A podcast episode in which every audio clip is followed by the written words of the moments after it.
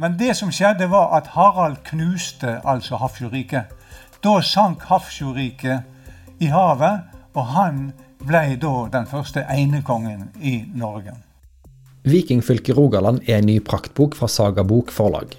Det er en oversikt over de mest spennende stedene i Rogaland som har tilknytning til vikingtida. Fra Sokndal i sør til Haugesund i nord.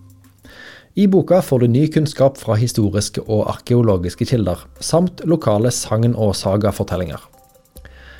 Vikingfylket Rogaland er både en turguide og et oppslagsverk. Historikerne Torgrim Titlestad og Atle Skarsten presenterte boka på Sølvberget i januar. Og ja, du vil høre at de viser til en del illustrasjoner. Full oversikt får du ved å skaffe deg boka. Jeg er en av eh, forfatterne bak dette fantastiske boka 'Vikingfylket Rogaland'.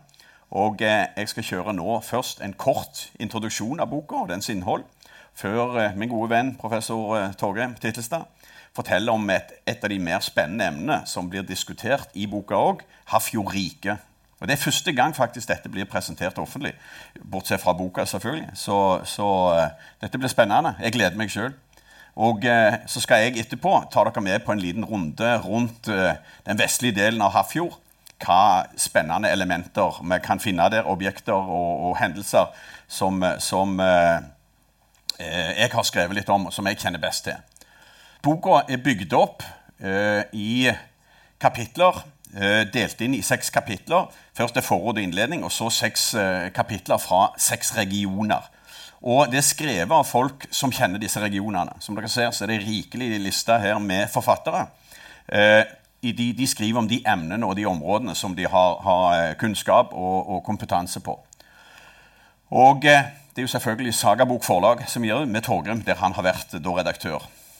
Og eh, etter forordet i innledning så begynner vi sør på Dalane, som dere ser, før vi beveger oss nordover kommer til Hafjordriket, og så er det Stavanger-regionen, før vi flytter oss østover inn i Ryfylke og eh, nordover til Haugaland. Og Sist så kommer det et par generelle artikler og så den eh, forfatteroversikten. Og nå er Det jo litt, der er, det et innholdsrike bok, som dere ser. Og som, som, ble sagt her, så er det jo fantastisk rikt illustrert. Og Jeg kommer til å bruke en del av de bildene fra, illustrasjon, fra illustrasjonene fra, fra, boka, og en del andre. Så dere får litt snacks her som ikke står i boka òg. Og... Eh, så 'Vikingfylket Rogaland' er altså en fantastisk bok som tar for seg hendelser, objekter, lokaliteter fra hele Rogaland hele Rogaland samla og forteller de, den unike historien bak disse. Og Det er fortalt som jeg sa, av forfattere fra de, fra de aktuelle områdene med en unik eh, kunnskap og, og eh, forståelse. Så Vi har en liten time på oss, og både Torgrim og meg liker å, å, prate. Så det er nok best å komme i gang. Og han starter som sagt med en eh, orientering om, om Hafjordriket. Takk. Vel møtt. Det er et flott bilde. Var, ja, ok, der kommer Gauselordninga òg. Ja. ja. det er faktisk første gangen at jeg holder et offentlig foredrag om Hafjordriket. Og eh, jeg tipper på at 99% av dere som sitter her, har aldri hørt det begrepet før. Og det begrepet har jeg sjøl funnet opp, og det fant jeg opp ut i 2019 etter å ha arbeidet i lengre tid med dette fenomenet. Og jeg skal prøve å grunngi hvorfor vi kan snakke om Hafrsfjord Og eh, en av grunnene det er denne kvinnegrava. Det er en av de flotteste i Norge ved siden av eh, Oseberg og Gokstadskipet når det gjelder funnrikdom. Og så har vi et kart som eh, du gjerne kan vise. For jeg har prøvd å tegne inn hva Hafrsfjordriket er. Dette er ikke et endelig resultat, tror jeg. Men det som dere ser der, det er det som jeg forestiller meg var kjernen i Hafrsfjordriket. For dette er helt ny forskning som er i gang. Jeg, jeg satt og gjorde ferdig ei bok i september 2019 da han Bård, eldste sønnen min, som var egentlig mannen bak dette verket, sa du, du får slutte å skrive på den boka, for vi skal bli ferdig med vikingfylket Rogaland. Så jeg fikk ta ut en del av boka som står her. Og det som er det essensielle med Hafrsjøriket, det er at det er ikke et rent norsk område. Eller det vil si kun i Norge. Det lille kartet her nede, som dere ser, så ser dere at Hafrsjøriket omfatter faktisk store deler av Irskesjøen. Eh, på fint språk heter det talasokrati. Det er et sjøherrevelde. Altså eh, Hafrsfjord styrte store deler av handel og plyndring og andre ting i, eh, langs Irskesjøen og eh, i deler av Nord-Skottland. Men hvordan kan vi så finne på denne ideen? Da må vi ta et lite steg tilbake. Og eh, Allerede på slutten av 1800-tallet så var en av Norges desidert fremste historikere, Gustav Storm, inne på at eh, irske krigere hadde vært involvert i slaget i Hafrsfjord. Fordi det er et irsk kjellemateriale som faktisk eh, inneholder et brev om at i 871 så ble sønnen til kong Gottfred, han vil jeg si kongen av Hafrsfjord, eh, bedt om å komme faren til hjelp, for han eh, var utsatt for fiendtlige angrep. Og eh, eh Storm utvikla resonnementet sitt, men så gikk det en stund. Så kom Halvdan Koht etter at eh, Gustav Storm var død. Og så sier han det at slaget i Hafrsfjord sto ikke i 872. Det sto ca. 900. Glem de irske kjeldene. Og så gikk alle historikere i fotefare til Halvdan Koht. Og dermed ble det irske materialet daulagt. Og jeg syns det er artig, og han var jo jærbu. Eh, Steines, Askaut Steines, hvis dere leser hans bok der han skriver om denne tida, så kan dere formelig se tårene i boka hans over at han måtte gi opp de irske kjeldene. For Kot har nok rett, skrev han. Men Kot tok feil, folkens. Det er vi klar over i dag. Men altså som følge av en feilvurdering i historikermiljøet så ble et veldig viktig kjeldemateriale skyvd ut på ei sidelinje. Så går det ei tid. Og da er det ikke fra historikerne at det kommer ei endring. Nei, det er arkeologer. Og det er to framstående arkeologer som har skrevet om dette. Den ene heter Egil Bakka, og det var han som sto ansvarlig for de første ideene om Gausel dronninga. Og deretter en mann som dere vil kjenne igjen, Bjørn Myhre, som òg var professor i arkeologi, og som var direktør for Arkeologisk museum. Og Det som jeg da hekta meg opp i, det var to ting hos disse forfatterne. For det første påviste endelig Egil Bakka at storparten av såkalte insulære funn, dvs. Si gravgods eh, fra Irland, det var hovedsakelig konsentrert rundt Hafrsfjord. Du finner litt i Sogn, du finner litt i, på Møre og i Trøndelag. Men jeg tror det er mer enn 50% av, av gravgodset som vi har eh, langs, i, ved Hafrsfjord, det er fra Irland. Og eh, Han eh, begynte da å fremme ideen om at her har vært et rike som har hatt stor betydning i Irland og i Skottland. Så kom Bjørn Myhre etter han var død, og han utvikla ideen. Det kan dere spesielt lese i boka om Sola fra 1987, der han sier at det er veldig sannsynlig at det eksisterte et kongerike fra sør i Rogaland til Sognefjorden. Og det er òg relatert til insulære funn og funn for øvrig i Norge. Og Da fant jeg ut at tida var moden til å se på nytt på de irske kjeldene, og jeg fikk et samarbeid med en irsk professor, Coleman Etchingham, som kan keltisk. Så jeg har fått òg adgang til nytt materiale som belyser denne teorien. Og eh, I dag syns det er ganske sikkert for meg at eh, vi har altså hatt et betydningsfullt kongerike eh, fra 800-tallet. Og Så kan vi spørre nærmere hvorfor er dette knytta til 800-tallet. Og Da må vi ta utgangspunkt i utbruddet av vikingtid. Det er altså for meg 793, angrepet på Lindisfarne. Nå er det en del arkeologer som vil flytte vikingtid til 750, og noen går enda lenger bak. Og Det er basert på funn og eh, det, det, det, er ideer som er greie nok å forholde seg til, men mitt utgangspunkt er først og fremst eh, og skriftlige kilder, nemlig dette at angrepet på Lindisfarne i tida eh, da det skjedde, ble karakterisert som det første krigerske overfallet mot den engelske sida av Nordsjøen på 350 år. Så geopolitisk er 793 det store politiske vendepunktet. Og eh, vi vet at frankerne de eh, planla å Ja, veit og veit, men det tyder på at de prøvde å gå nordover. For eh, den gangen var ikke det sånn at en soldat fikk en sjekk i posten med lønn. Lønna ble utbetalt ved at du plyndra dine naboer eller andre, og at offiserene fordelte det til soldatene. Så plyndring var basis for samværet mellom alle europeiske land. Og Nordmennene lærte seg jo kunsten, de òg, etter hvert. Men de hadde en fordel som de andre ikke hadde. De hadde vikingskipet, som var et veldig effektivt kampvåpen. Og allerede i 810 så planla den daværende Vi kaller det dansk konge, men ok, la oss si danekongen Gottfried ville angripe Karl den store av Frankrike fordi han så han som en trussel mot Skandinavia. Dagen før han skulle angripe Han hadde 200 krigsskip med seg. og Dette er fastlagt i frankiske samtidige analer, så vi er sikre på at det er riktige opplysninger. Så eh, døde han, eller ble sannsynligvis myrda, og angrepet ble avlåst. Og det har nemlig store konsekvenser for dette med Havsjøriket. For da Gottfred døde, så kom det et opprør i et område som blir kalt Vesterfolda. Og Dette er òg nøyaktig gjengitt i de frankiske riksanalene. Og Vestafolda de reiste seg mot dansk styre. Og Da må vi huske på at vi er ganske sikre på at danskene Vi kaller de danskene, men det var nok litt mer komplekst fenomen. De styrte store deler av Norge fra Viken og opp på Vestlandet.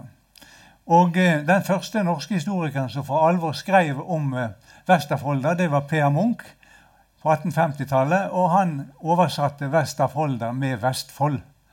Uten diskusjon, men han har en fotnote der han viser til sitatet. Og det som er det interessante Jeg trodde på eh, Per Munch, som alle andre norske historikere, inntil en amatørhistoriker gjorde meg oppmerksom på den latinske grunnteksten. Og da vil dere se at Vesterfolda ikke per definisjon er Vestfold. For det står at Vesterfolda, der var det et opprør mot det danske veldet. Og eh, Vesterfolda ligger eh, på den ytre, ytre, ytre, delen vest i Norge, eller det danske riket, der du kan skue til nordenden av den nordre delen av Britannia. Og Hvis dere leser det latinske sitatet Jeg har fått ny profesjonell oversettelse. Og eh, for så vidt er det en gammel oversettelse tilbake til 1955. Så er det klart at det er ikke Vestfold. Men da må vi jo snu på hele oppfatninga vår av historia så langt. Hvis dette Westerfolda ligger med utsikt til England De ser jo ikke England bokstavelig talt. Så må det altså ligge en plass nord for Lindesnes. Er ikke det en opplagt tanke? folkens? Ja, nettopp. Og da begynner vi å komme oppover langs Rogalandskysten. Og da kommer vi inn på sporet til Egil Bakka og um, Bjørn Myhre, og for så vidt på Gustav Storm. Og Det ble bestemmende for min holdning, og så begynte jeg å studere mer inngående da, de irske kjeldene. Og det som vi kan gå videre på etter 813 Sannsynligvis så ble dette opprøret i Sørvest-Norge slått ned, slik som det står i frankiske analer. Så går det en stund, og det ser vi av alle beretningene, krønikene, at det er først ut på 830-tallet at vi får mer organiserte vikingferder til, um, til Irland og Irskesjøen. Og uh, ut på 840-tallet så begynner de norske, det er først og fremst nordmenn, vikingene, å dominere. For de har konkurranse fra danskene, som har den sørlige delen av Irskesjøen.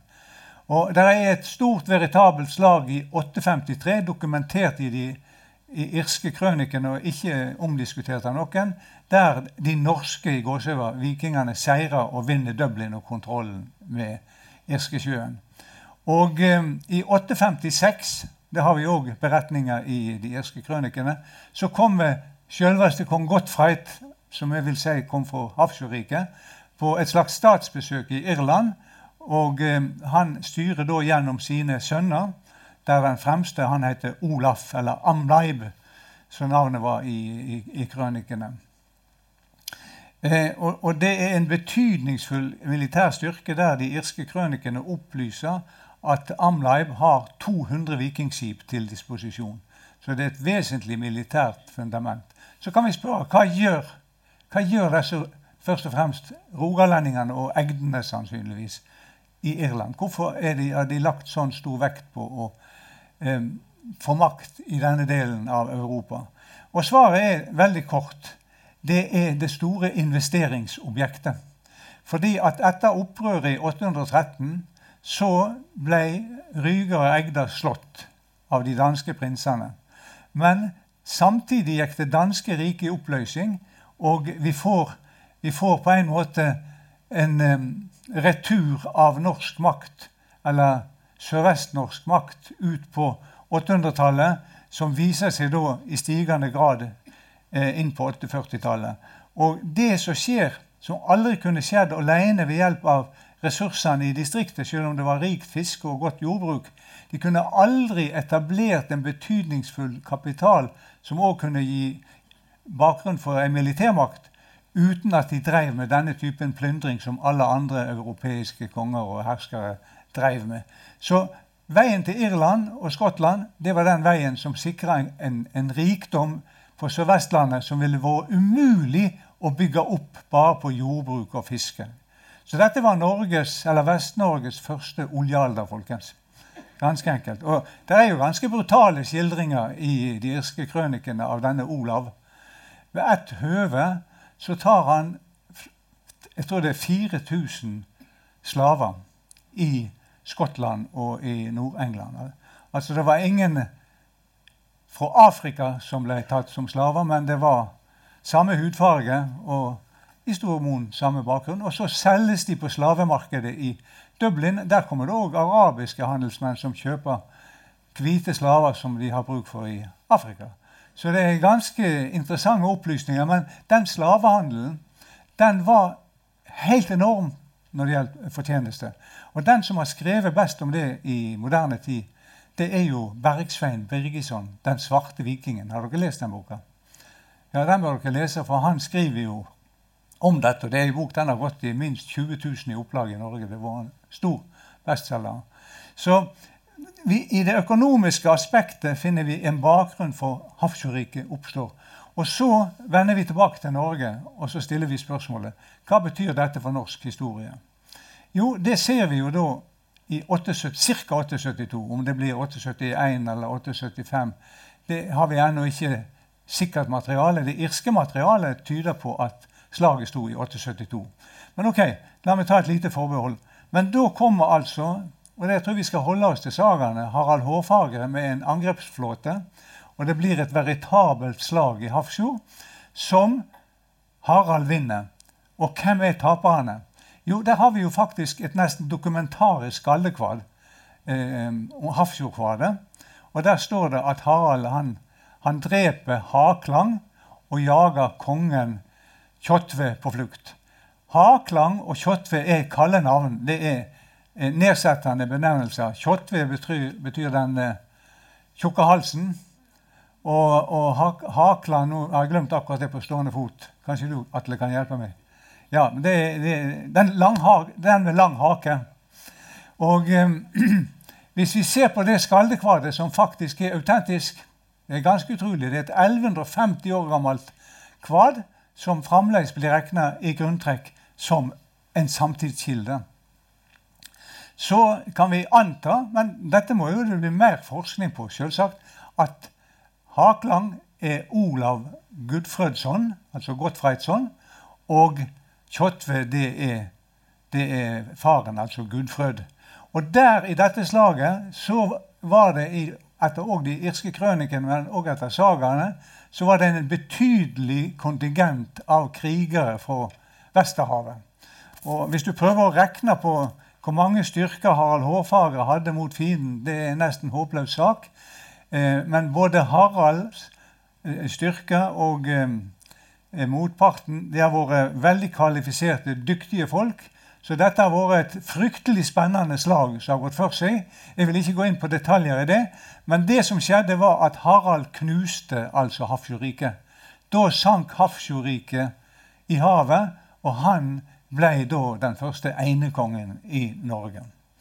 Og eh, eh, Hvis det er litt tid over, så kan jeg gjerne svare på spørsmål. Men jeg tror nå har dere fått essensen av min teori om Hafrsjøriket, som dere kan lese mer om i selve boka vikingfylket Rogaland. Ja vel, dette var jo spennende. Det er eh, sånn som jeg liker. Eh, nytenkning, og der har jo Torgrim alltid vært en foregangsmann. Så eh, nå er det min tur. Og eh, jeg skal ta dere med som sagt, gjennom en del kapitler. De fleste har jeg skrevet sjøl, eller elementer som jeg har skrevet om, og objekter og hendelser som jeg har skrevet om. Eh, og jeg tar òg noe andre som andre har skrevet om, men fokuserer på rett rundt Hafjord. Eh, og Det er jo den regionen som jeg kjenner mest. da. Og jeg ville jo sagt 25 minutter. Jeg tror jeg fikk 25 minutter, jeg, men jeg kunne jo stått her til i morgen kveld. Men eh, vi skal bare sette i gang med en gang. I 2010 så ga Tor Erik der, min gode venn og meg, og han, vi ga ut boka 'Solas eldste historie'. Og eh, Der vi tok for oss Sola sin, sin historie fra steinalder via bronsealder fram til vikingtid.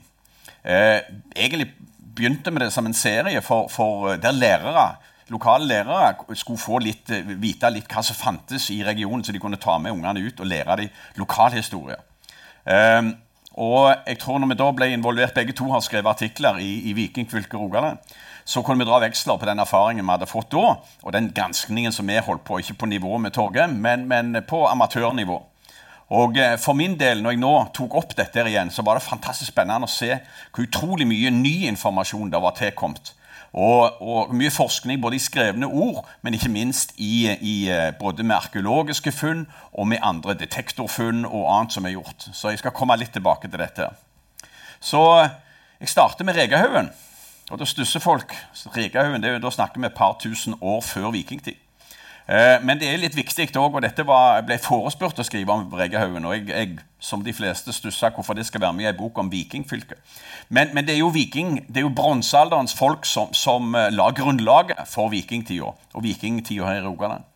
Så i 1881 Her ser dere haugen for de som Dette er tatt fra Solastrand. Her ser dere rege, den ene av regehaugen. 1881 så var det en lokal bonde som henta stein og jord fra, fra denne haugen og da han oppdaga en inngang. Eh, og Dette var én av to innganger til to forskjellige gravkammer. Og Her ser vi det ene, det nordlige gravkammeret.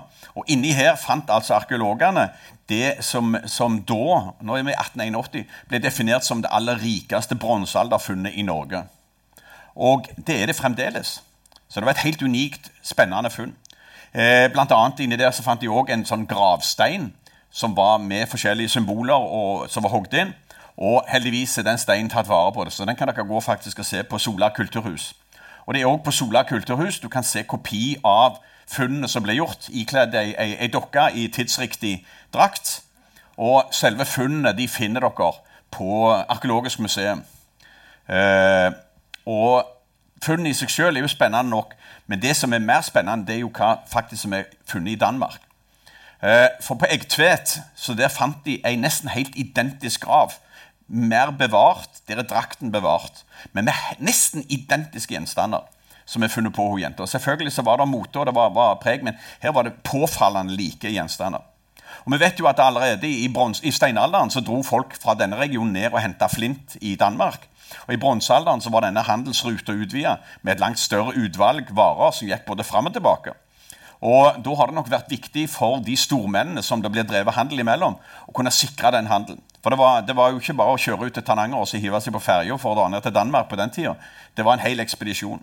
Så en rikmann på Sola han ville jo sikre seg at, at, han kunne få varene ned til Danmark. Og, eller motsatt. Kanskje det var dansker òg som kom opp hertil. Så kanskje, og det er jo mange som har slengt ut den teorien etter vi skrev om akkurat dette, den koblingen der, kan det ha vært en, en, en, en eh, dansk stormann som har gifta opp dattera si til Rege. Eh, som da for å sikre at, at handelen skulle vedlikeholdes. Det, var jo ikke, det var ikke uvanlig. Senere i skriftlig historie, så ser vi spesielt i vikingtida, så ser vi jo at, at eh, en ofte så gikk for å skape allianser og sikre handelsruter og sikre, sikre krigsallianser, så ble gifta vekk, gifta vekk både sønner og døtre. Dessverre på Rege så er det ikke, I dag er det så mye mer moderne teknologi, men på Rege var det ikke bevart noen ting. Det var kun metallgjenstander som lå igjen. Det var ikke bein eller, eller knokkelrester. sånn at vi, Det har ikke vært noe mulig å sjekke noe DNA med hun, eh, mellom regedronninga, som hun ble kalt, og eggtvedpiken, som vi ser på bildet. Eh, et par andre bronsealderhauger blir også beskrevet i boka, men de har mer en, en tilknytning til vikingtid. Her ser vi store si, Der er lille, og der har du store melhaug på Sola helt nordvest på, på, på Solaplatået. Og, og, Jeg skal ikke gå for mye i detalj i disse to haugene. jeg får heller si sånn som de sier, at eh, skal dere lese mer, så får dere kjøpe boka. Eh, men helt på nordøst eh, på, på Solaplatået så finner dere kjøre på veien rett før dere kommer til flyplassen, så kan dere se disse to haugene.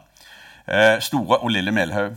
Og i begge disse arkeolog, ble arkeologisk undersøkt eh, på, på, helt på slutten på 1800-tallet. Men i begge haugene ble det funnet jeg kan kalle det slektsgravsted. Altså det var I hver gravhaug ble det funnet mange graver. En sentral grav og så flere sekundærgraver som lå, som lå i, i, utkant. Begge gravene hadde denne typen. Så Her har det altså vært en storfamilie sannsynligvis, som har begravd slektningene sine opp gjennom tidene. Og Så har sannsynligvis en av disse karene blitt, eh, blitt kristen. Kommet i vikingtida, så han blitt kristne.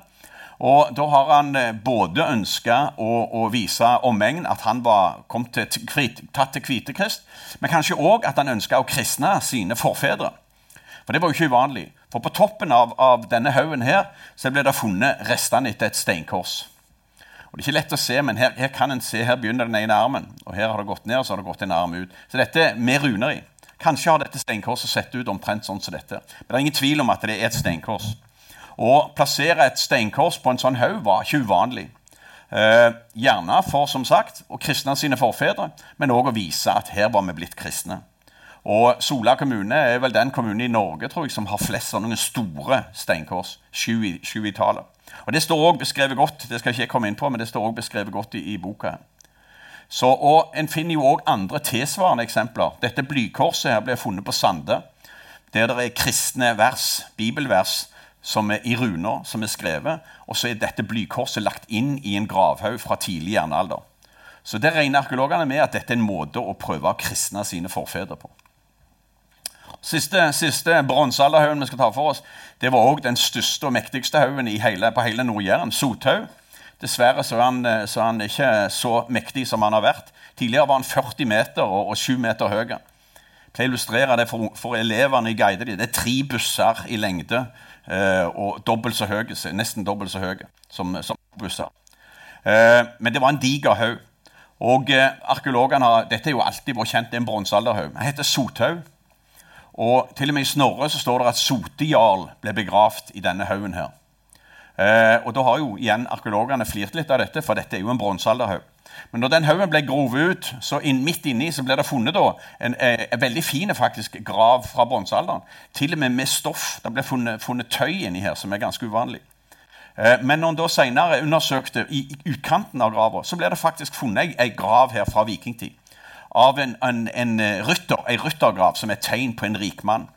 Så kanskje, kanskje kan dette være ei grav fra en av disse. For det er det Snorre forteller, at en av taperne, en av de taperne, en stormenn som var med i slaget i Hafjord, eh, han falt, og så har mennene hans da i hast kommet seg unna, og så kan de ha begravd han inni, inni, uh, inni haugen her. Men det er også skrevet, Denne haugen er beskrevet veldig grundig i boka. Så eh, det får dere òg lese av, av, Frans Arne Styligard, arkeolog, som virkelig kan dette stoffet. Nå er vi ferdig med bronsealder. Og eh, Vi har jo snakket om Hafjord, snakket om slaget i Hafjord, og da tenker vi jo en gang vikingskip. Og som Torgrim sa, vikingskipene var jo, var jo det som virkelig skapte vikingtida.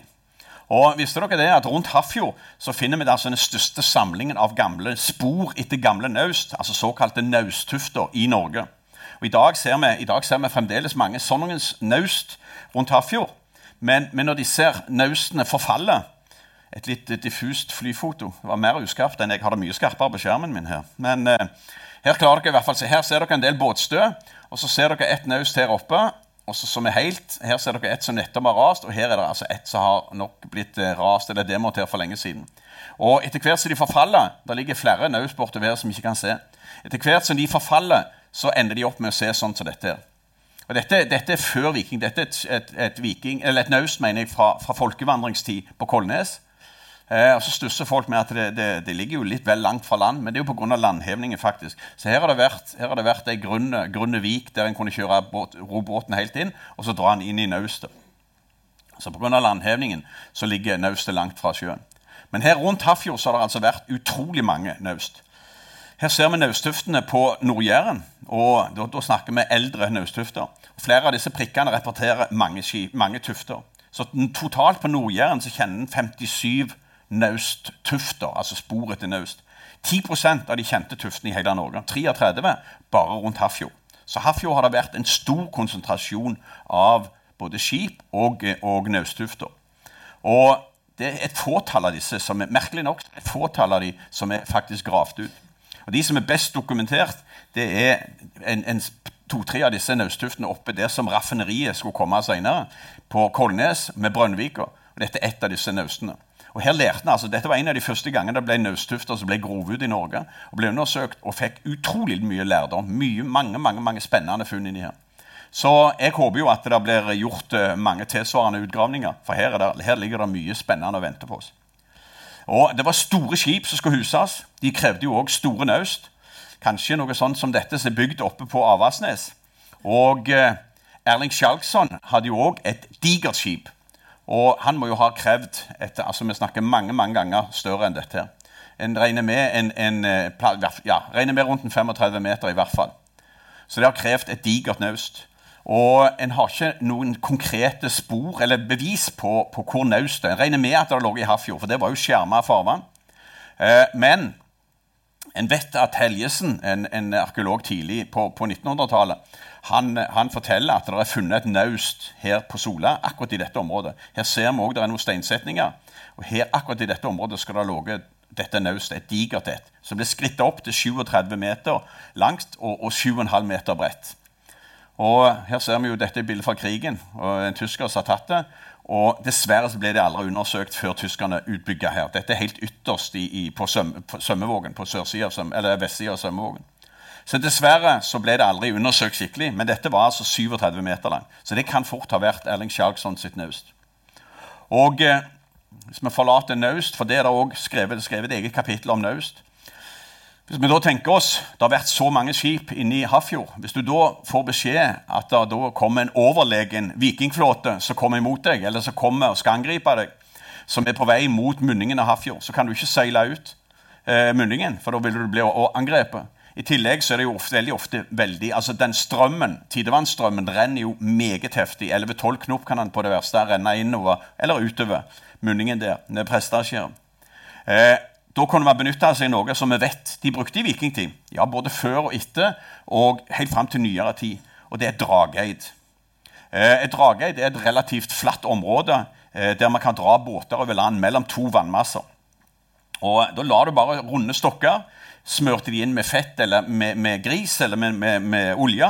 Og så kunne du dra båtene ved hjelp av hest eller okse og med folk som støtta disse vis. Og dette har han testa nå med, med jeg kaller det moderne vikingskip.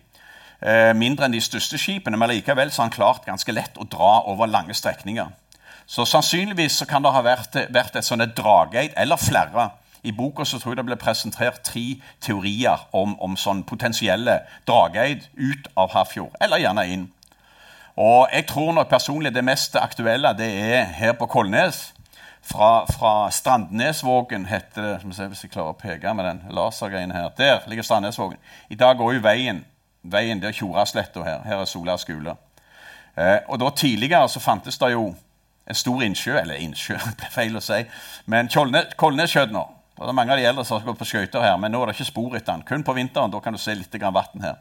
Men der, der, er det veldig flatt, og her er det en forsenkning i terrenget nesten hele veien. Så kanskje har det vært her en mulighet en kunne dra båten over land eh, og ut gjennom Kolnestjørnet og så ut på, på Solavika. Sånn at når, når da fienden endelig kom inn i Hafjord, så var hele flåten din, eller den som de skulle angripe, den var vekke. Det var ingen av de store skipene i hvert fall som var til stede.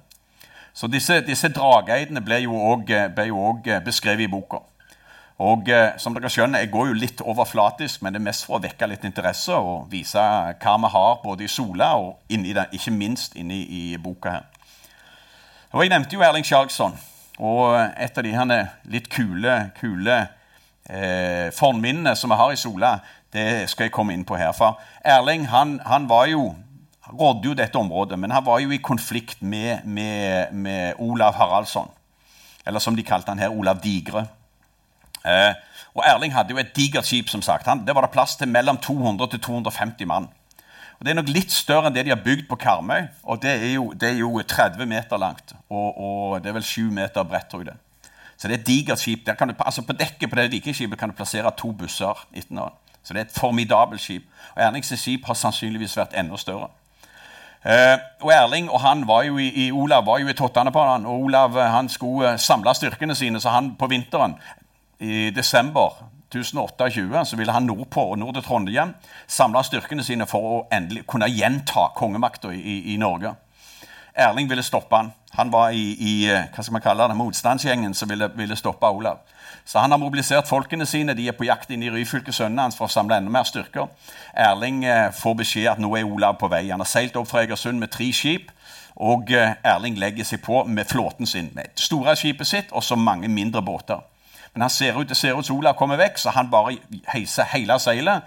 Eh, tar ut alle rev og heiser seilet og, og drar ifra flåten sin for å stagge Olav og håpe at resten av gjengen kommer igjen. Så blir det altså et heidundrende slag opp med bukken eh, der Erling må slåss mot en ganske stor overmakt. Og én etter én blir mennene hans drept. Og til slutt er det altså sånn som vi ser på, på den fine illustrasjonen her.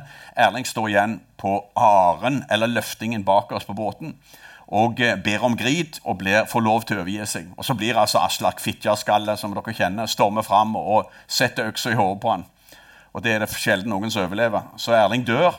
Olav de kommer seg av gårde, for da kommer resten av bondehæren, eller bondeflåten, for å kalle det det. De kommer, og Så finner de da båten til Erling med alle drept om bord. Og dette er jo, dette er jo sagahistorie på, på, et høyt nivå. Veldig spennende, dramatisk.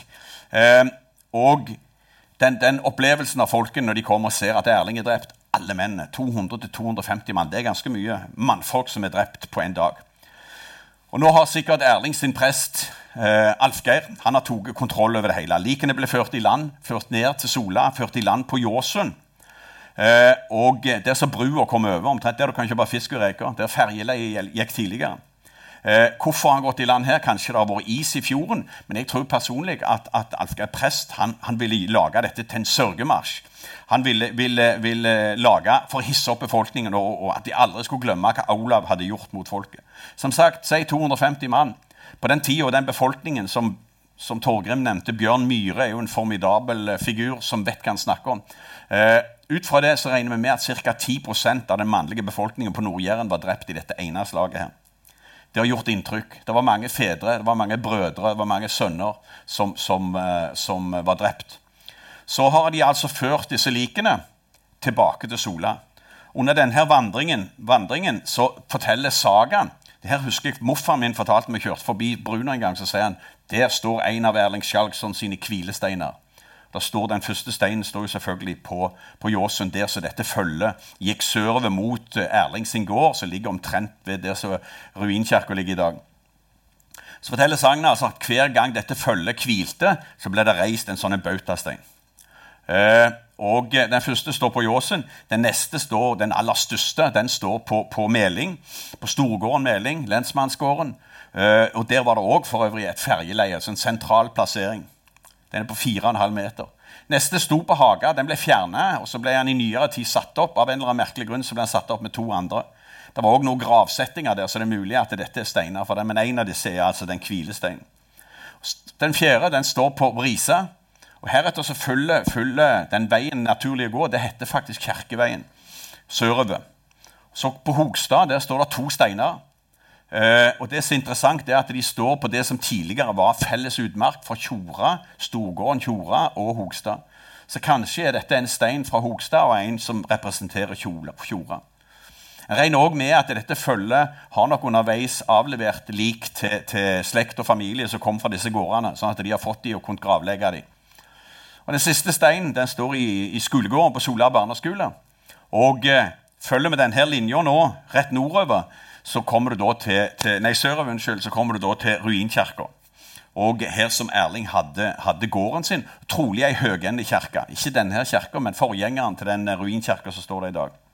Og Her har nok har Alfgeir prest hatt en tordende seremoni for, for, å hisse opp folket mot Olav. Og Det som sagt som er fascinerende, hvis vi ser, her, her oppe står den første steinen. Så har du Meling, så har du Rise, nei, Haga, så har du Risa, så har du Hogstad, og så har du eh, Sola og så ned mot Sola. Her ligger ruinkirka. Ganske utrolig bein linje. Det som er fascinerende, og det som jeg også fant, og dette er jo veldig, jeg tror dere er de første som får høre dette, for dette er nyforskning. Går ned sørover til Sola og ruinkirka og gården til Erling. Går du nordover, så kommer du til huset til Torgrim. Så det er det ikke mange som vet om. i Kværnervika. Eh, ikke lenge etter den vandringen så har altså Alfgeir prest fått hogd ut dette fine korset som står på Stavanger museum i dag. Sto eh, opprinnelig rett nær med, med Steilebakken på, på, rett ved siden av Breiavatnet, med runer. Eh, og har hogd inn denne teksten. Som, på, på, på, når han har tolka runen, så står det altså Alfgeir prest reiste denne steinen etter Erling sin herre, som ensom ble sveket ut av Aren da han slåss mot Olav. Aren det er den løftingen bakerst i båten som dere så på den illustrasjonen. Og Når du da vet at Olav bare noen år etterpå blir erklært helgen For en prest å kunne skrive sånt nedsettende egentlig om, om en helgen og en tidligere konge, så må dette ha skjedd rett etter, før han ble en helgen. Så, så, dette er et samtidsdokument av, av, stor betydning og fantastisk illustrerer det som òg blir fortalt i sagaen. Dag så finner du òg en kopi, fin kopi som står rett ved siden av Sola kulturhus. Og det nye, her er det nye rådhuset. Så En spennende historie rundt, rundt Erling Skjalgsson. Og vi er ikke ferdige her, for denne kirka viste jeg et bilde av tidligere. og den er jo òg utrolig spennende. Det er Mange som tror at dette er Erlings kirke, men som sagt, dette, den, her, den, er bygd omtrent samtidig som domkirka, altså tidlig på 1100-tallet. Eh, rundt 100 år altså etter Erlings død. Men sannsynligvis har Erling, Erling hatt, hatt ei eh, tidligere kirke som har stått her. Den kirka var i bruk fra, fra si 11-25-30 eh, og helt fram til begynnelsen på 1830-31, tror jeg det. Så altså 700 år så har de, har de hatt dette som sognekirke i Sola. Og så ble det bygd den nye trekirka som sto litt lenger nede. og Dermed så forfalt kirka. Slutten så, så ut sånn som det her. Da kom marinemaler Johan Jacob Benneter og kjøpte den her. Og rydna opp og bygde tak på henne. Grov ut, han grov ut inne i kjelleren eller inne i, under gulvet der og fjerna 30 sekker med knokkelrester og hodeskaller som ble sendt til, til Oslo. Jeg spør alltid ungene jeg har med, med på guiding og spør, hadde dere flyttet inn her når de hører at det har vært 30 sekker med skjelettrester som ble fjerna fra, fra gulvet inni der. Og da er det, eh, Nei, det var ikke mange som ville flytte inn der. Men han fikk seg, fikk seg vinterhage og malte. Han flyttet inn i 1881. Og, eh, etter hans død i 1904 så forfalt igjen bygget. Og Under annen verdenskrig så forlangte tyskerne at du skulle rives den og den nye trefjerka. De skulle, eller nye, hun var over 100 år gammel, men de skulle rives. For dette var både forstyrra innflyvning og utflyvning fra flyplassen. Og I tillegg så gjorde det lettere for britiske fly som angrep, å finne, plassere, plassere hvor Sola flyplass lå. Eh, så Derfor så forlangte de at du skulle rives. Og eh, Nordmennene fikk da lov til, til å merke alle, alle teglstein rundt innganger, dører og vinduer. Alle de ble nummerert, og så ble de lagra. Og så ble hun revet ned til ja, ca. en mannshøyde, sånn som dere ser her. Eh, og eh, i 1986 det var begynnelsen på olje, oljeboomen. Da, eller ikke begynnelsen, men godt ute, da hadde jo Sola ubegrensa med penger, så da brukte vi penger på idrettsanlegg, kulturhus, lys på gågater og alt mulig. Og Da hadde de penger òg. Så da ble det gjort en skikkelig utgravning. Alf Tore Hommedal, arkeolog, grov ut kirka og det nærmeste området. Han tok ikke hele plassen, kun rett rundt kirka. De, eh, de, fant 31 graver. Mange av de var rundt, men en god del inni. Og Det som Alf Tore også forteller, som, som er vanlig, det er at, at eh, de, de, mektige folkene i bygda de kunne begraves inne i kirka. Eh, de som kom litt lenger ned på rangstien, de ble begravd rett langs sida av, av, bygget. Der som det, det vannet fra det hellige bygget dryppet ned på dem. Så der det, det lå mange mange lik som lå helt inntil sida. Men de aller aller mektigste, og sannsynligvis ofte, ofte de eierne, de ble begravd i, i tårnfoten.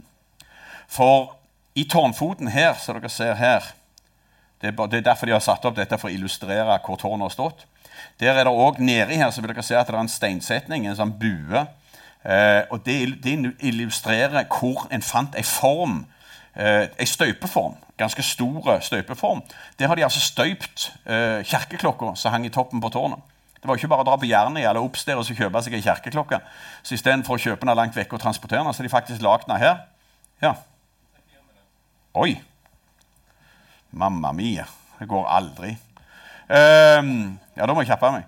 Uh, men under den forma der fant de også, fant de to skjelett av en unge gutt og ei dame på en 55-60 år gammel.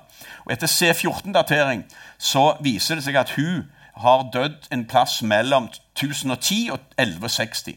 Så teoretisk sett så kan dette faktisk være, være kona til Erling, Astrid. som ligger begravd der. Men det vil vi jo aldri kunne, kunne ja, før vi finner noen spor og kan bruke DNA. og den type. Men her er det i hvert fall bein som en kan bruke. I dag er jo det mest, Nest etter domkirka er det mest populære plassen å gifte seg. Mamma mia, fem minutter! Ja, Da må vi hoppe veldig raskt. Et, et av de mer mystiske stedene som, som vi har i Sola, det er Domsteinene i Ølbergskogen. Og Den er en helt unik steinsetning som det ikke fins maken til i hele Skandinavia. Og eh, Den ble, ble, først beskrevet tid, midt på, på 1700-tallet. Og etter hvert historikere og, og, arkeologer som har besøkt stedet, alle blitt, blitt berørt og blitt fascinert av den plassen. Etter hvert så forfalt det. Steinene ramla ned, noen ble knabba for å bruke på gårder. Og til slutt så ble hun helt over, overvokst, overvokst, av skog. Så tok altså Solheim historielag initiativ. Fjerna skogen, rydda marka. Slapp arkeologene til. Vi gikk med, med pinner, nei, stein, stenger og så stakk for å finne steinene. Vi har funnet en del her. Alt ble plotta inn. Arkeologene fant ingenting. Og så ble jo altså hele stedet rekonstruert. Så Det som vi ser i dag, det er en rekonstruksjon, men vi vet nøyaktig hvor det var. Og Det som gjør denne plassen helt unik, det er disse spilene som vi ser som går inn. Altså Det er en steinring, det har vi mange plasser. Men denne fotkjeden som går rundt, det er litt uvanlig. Og Spesielt de spilene som går inn, og den sirkelen, og det kalde alteret og to kvartsteiner som, som en kunne sitte på. Og eh, det er jo Kåre Husebø, som vi ser her. Eh, Kåre Byklebust, Kåre Byklebust som, som, er den store pågangsmannen. Så her er det endelig kunne han åpne denne plassen. Og dette, Vi har som sagt steinsirkler. Her har vi, har vi Stoblesteinene i Egersund, eh, som er beskrevet i boka for øvrig. Eh, men det er ingen andre plasser. Jeg måtte helt til Ukraina for å finne en som minner litt om den steinsetningen her på Sola. Så den er altså helt, helt unik. Hva han har brukt til, Kanskje dette er en tidligere utgave. Det var bare en steinsirkel. En drev med ofring. Og så har du mer denne versjonen som vi kjenner i dag, eh, som gjerne blir ofra til gudene. Men det kunne like godt ha vært et, et domsted. Det heter Domsteinene. I Sverige så vet vi at sånne plasser blir brukt til å dømme folk. Der, der eh, de mektige og, kone, og her, kongen eller høvdingen eller jarlen og kona satt i midten, og så sto det altså de frie menn eller gårdsbrukere som sto rundt, og så kunne de da dømme. Eh, i Sverige det, er det alltid oddetall. Her er det 24 steiner, men i Sverige er det alltid oddetall, sånn at du skal få en avgjørende dom. Men kanskje her så var det da han i midten som kunne være den avgjørende. Så, men, det er ingen som vet. Og jeg liker litt sånne mysterier. Vi skal ikke, vi skal ikke vite alt. Så jeg syns sånn, det, eh, det, er spennende, men det er en utrolig fascinerende plass. Et annet jeg kaller Kall det mysteriet, disse fantastiske gravsetningene her. Eh, trekantgraver eller stjernegraver. Dette er dødsskjødner på, på sele. Og igjen er det Rogaland Nord-Jæren som helt klart peker seg ut som de, den plassen med flest sånne steinsetninger. Eh, det er tre forskjellige typer. Stjerne, treodd og trekant helt til høyre. Og Vi antar at dette symboliserer Yggdrasil. Yggdrasil, livets tre, har jo tre røtter. Så kanskje dette er at eh, Som regel så finner en også i midten så finner det ofte et hull der det har stått gjerne en stokk eller en bautastein som skal illustrere stammen. Og Noen ganger er det graver inni, andre ganger er det ikke. Og En teori at dette kan, kan være gravsettinger eller, minnesmerker etter personer som har dødd vekke, som de ikke har fått tak i liket. Som kanskje har vært ute i viking. For mange av de er datert til viking. Og Her ser dere en del av disse stjerne, stjerneforma gravsetningene rundt omkring. Og På Ullandhaug var det tidligere tre stykker. I dag har vi den her, som er gjenoppbygd òg. Og Samme på, på, på, Sola. Sola var vel den kommunen tror jeg, i Rogaland som hadde flest. Der var det fem, tror fem eller seks. Og i dag så har vi kun den her som er på Hagaøyna. Her ute lå der tidligere. Det lå en litt lenger nord. Så dere sitter på et fly som skal lande mot sør på Sola og kikker rett ned på høyresida, så vil dere kunne se den her på, på Sola. Ja, en annen ting som vi heller ikke har skrevet så veldig mye om, men vi har skrevet om én. Sola, og I dette nærområdet her, så finner, rundt Hafjord så finner vi tre sånn bygdeborger. Og Dette er jo til folkevandringstid, altså før vikingtid, men vi vet at mange sånne bygdeborger ble også brukt i vikingtid. Og I Sola så har vi altså tre stykker. Myklaberget, og så har du Ytraberget, som òg blir beskrevet i boka. Og så har vi i tillegg så har vi Berga, rett sør av Haga skole. Et fantastisk sted. Og Der skjønner vi hvorfor de har bygdeborg oppå her. De plassene som ikke var lett å, å, å komme opp, der ble det ofte bygd murer, ringmurer eller, eller forsvarsanretninger. Men på, på, det berget så trenger du nesten ikke. altså. Her er det så bratte sider at det er nesten helt umulig å komme seg opp. Bare et par plasser der du kan komme opp. Så det er absolutt verdt et, et besøk. Og eh, En annen plass som faktisk ikke, som jeg tenkte jeg skulle bare ha med for å vise hva som fins, som ikke ble med, dessverre med i boka, for det var jo tross alt begrensa med plass, det er Tjodveien som vi har på Sola. Som går fra omtrent der som Erling Skjalgsson sin gård er. Så går han her, og vi har klart å spore han, for dette er den originale Tjodveien. som går inn. Den går over Ullandhaug, inn i Stavanger og kommer inn med, med Breiavatnet. Og Dette er altså en gammel gammel vei, og navnet Tjodvei det, det, da sporer vi det tilbake til, til, vikingtid. Og Dette er altså Stormannen. Han bygde veien for lettere å kunne transportere både varer, men òg soldater. Nesten som romerne hadde gjort altså 1000 år før. Så her var det altså bygd og lagd en vei, og så var det lokalbefolkningen som måtte rydde den, fjerne greiner og holde, og det skulle være så brei at en rytter kunne ri med spydet på tvers. Så Tjodveien finner vi ennå spor etter, konkret etter på, her, her, i Sola. Nå har jeg kun en del bilder, så jeg går fort gjennom. Er det greit? Ja, nå nikker du oppe. Det var bra. For jeg ville ha med, med, så, En sånn bok som dette er jo fantastisk, for det drar fram elementer, hendelser, viser objekter, viser plasser fra relatert til vikingtid og kobler opp mot vikingtid. Og så, og så sånne historier som det Torgrim nå fortalte. Og da er det fascinerende når det hele veien blir foretatt utgravninger. Eh, langs Sola så blir det jo grovet ut fantastisk mye i forbindelse med vei, og de gjør jo helt unike funn. altså. Og de, de, de skaper nye teorier rundt, rundt vår tidligste historie.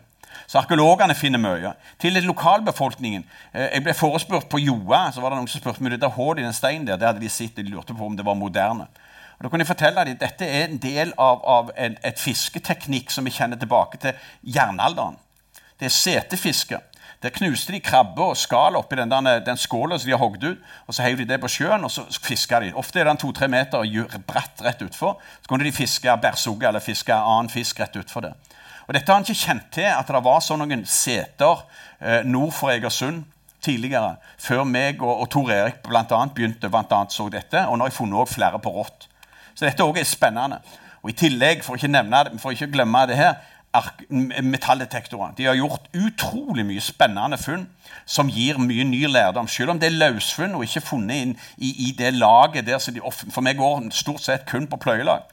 Men allikevel så er det gjort enormt med spennende funn som kan igjen avlede nye teorier. Her er det Thomas har funnet en korsfibel fra folkevandringstida på Tjora. Og, og, og eh, Morten som, som, får sjekka et, et, funn av arkeolog Olle Hemtoff. Her er noen av de funnene som er gjort på Sola, kun på Solaplatået. Og Her ser vi altså hvor mye som er funnet. Det er enorme mengder. Og Her har du bare spinnehjul her har vi glassperler fra vikingtid, beslag fra vikingtid. Disse er fra folkevandringstid. Fibler som smykker. Eh, to ringer. Et fra, fra, sannsynligvis vikingtid. Dette er fra tidlig, tidlig middelalder. 1100-1200-tallet. Så her er en geistlig den, den er det jeg som har funnet. Det er en geistlig på Tjora faktisk, som har mista den. Eh, og vektlodd, som indikerer handel. Vi har funnet mange, veldig veldig mange vektlodd nord på Kolnes, der, der, eh, der det kanskje har vært et handelssted. Eh, fibler, der er ringspenner. Og så, når Torgrim snakket om insulære funn, så må jeg jo ha med dette vektlådet som er funnet på, på Tjora. For dette, det, Under her så er det bly, men toppen her det er irsk dekor.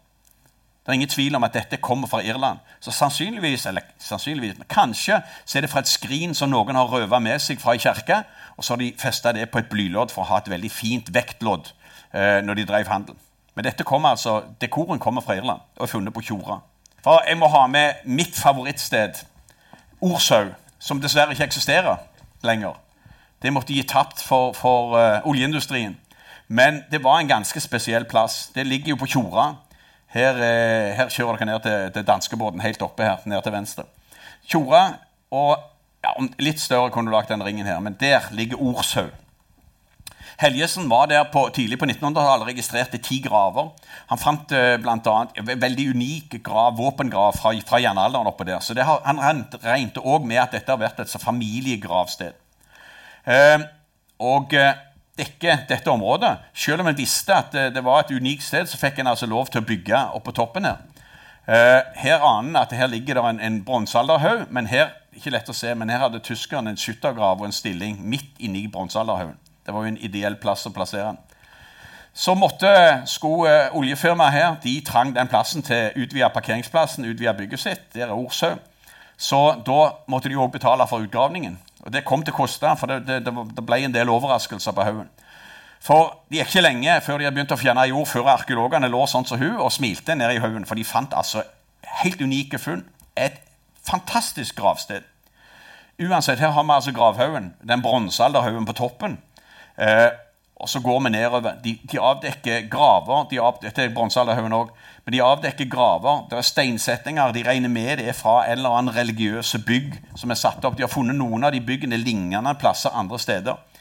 Uansett hvor de grov, så fant de altså graver og forskjellige, forskjellige veldig spennende graver. Og rett foran huset så fant de denne gravsettingen med steiner på veldig veldig grunt. Det var ikke djupt. Dere ser Disse, disse lå over bakken. Her ser dere også En del av steinene har ligget over bakken. Inni her så fant de en båtgrav. Her lå det ei dame begravd med alt godset sitt i, fra vikingtid. 900-tallet ca. Nå kaller de henne hva de kaller Tjoradronninga. Ja. Eller prinsessa. Men der lå det altså ei båtgrav. Så på den haugen her, når de var ferdig, dette, dette området her, så hadde de altså funnet Tidligere så kjente de til ti. Nå hadde de funnet altså 22 gravnedsettinger.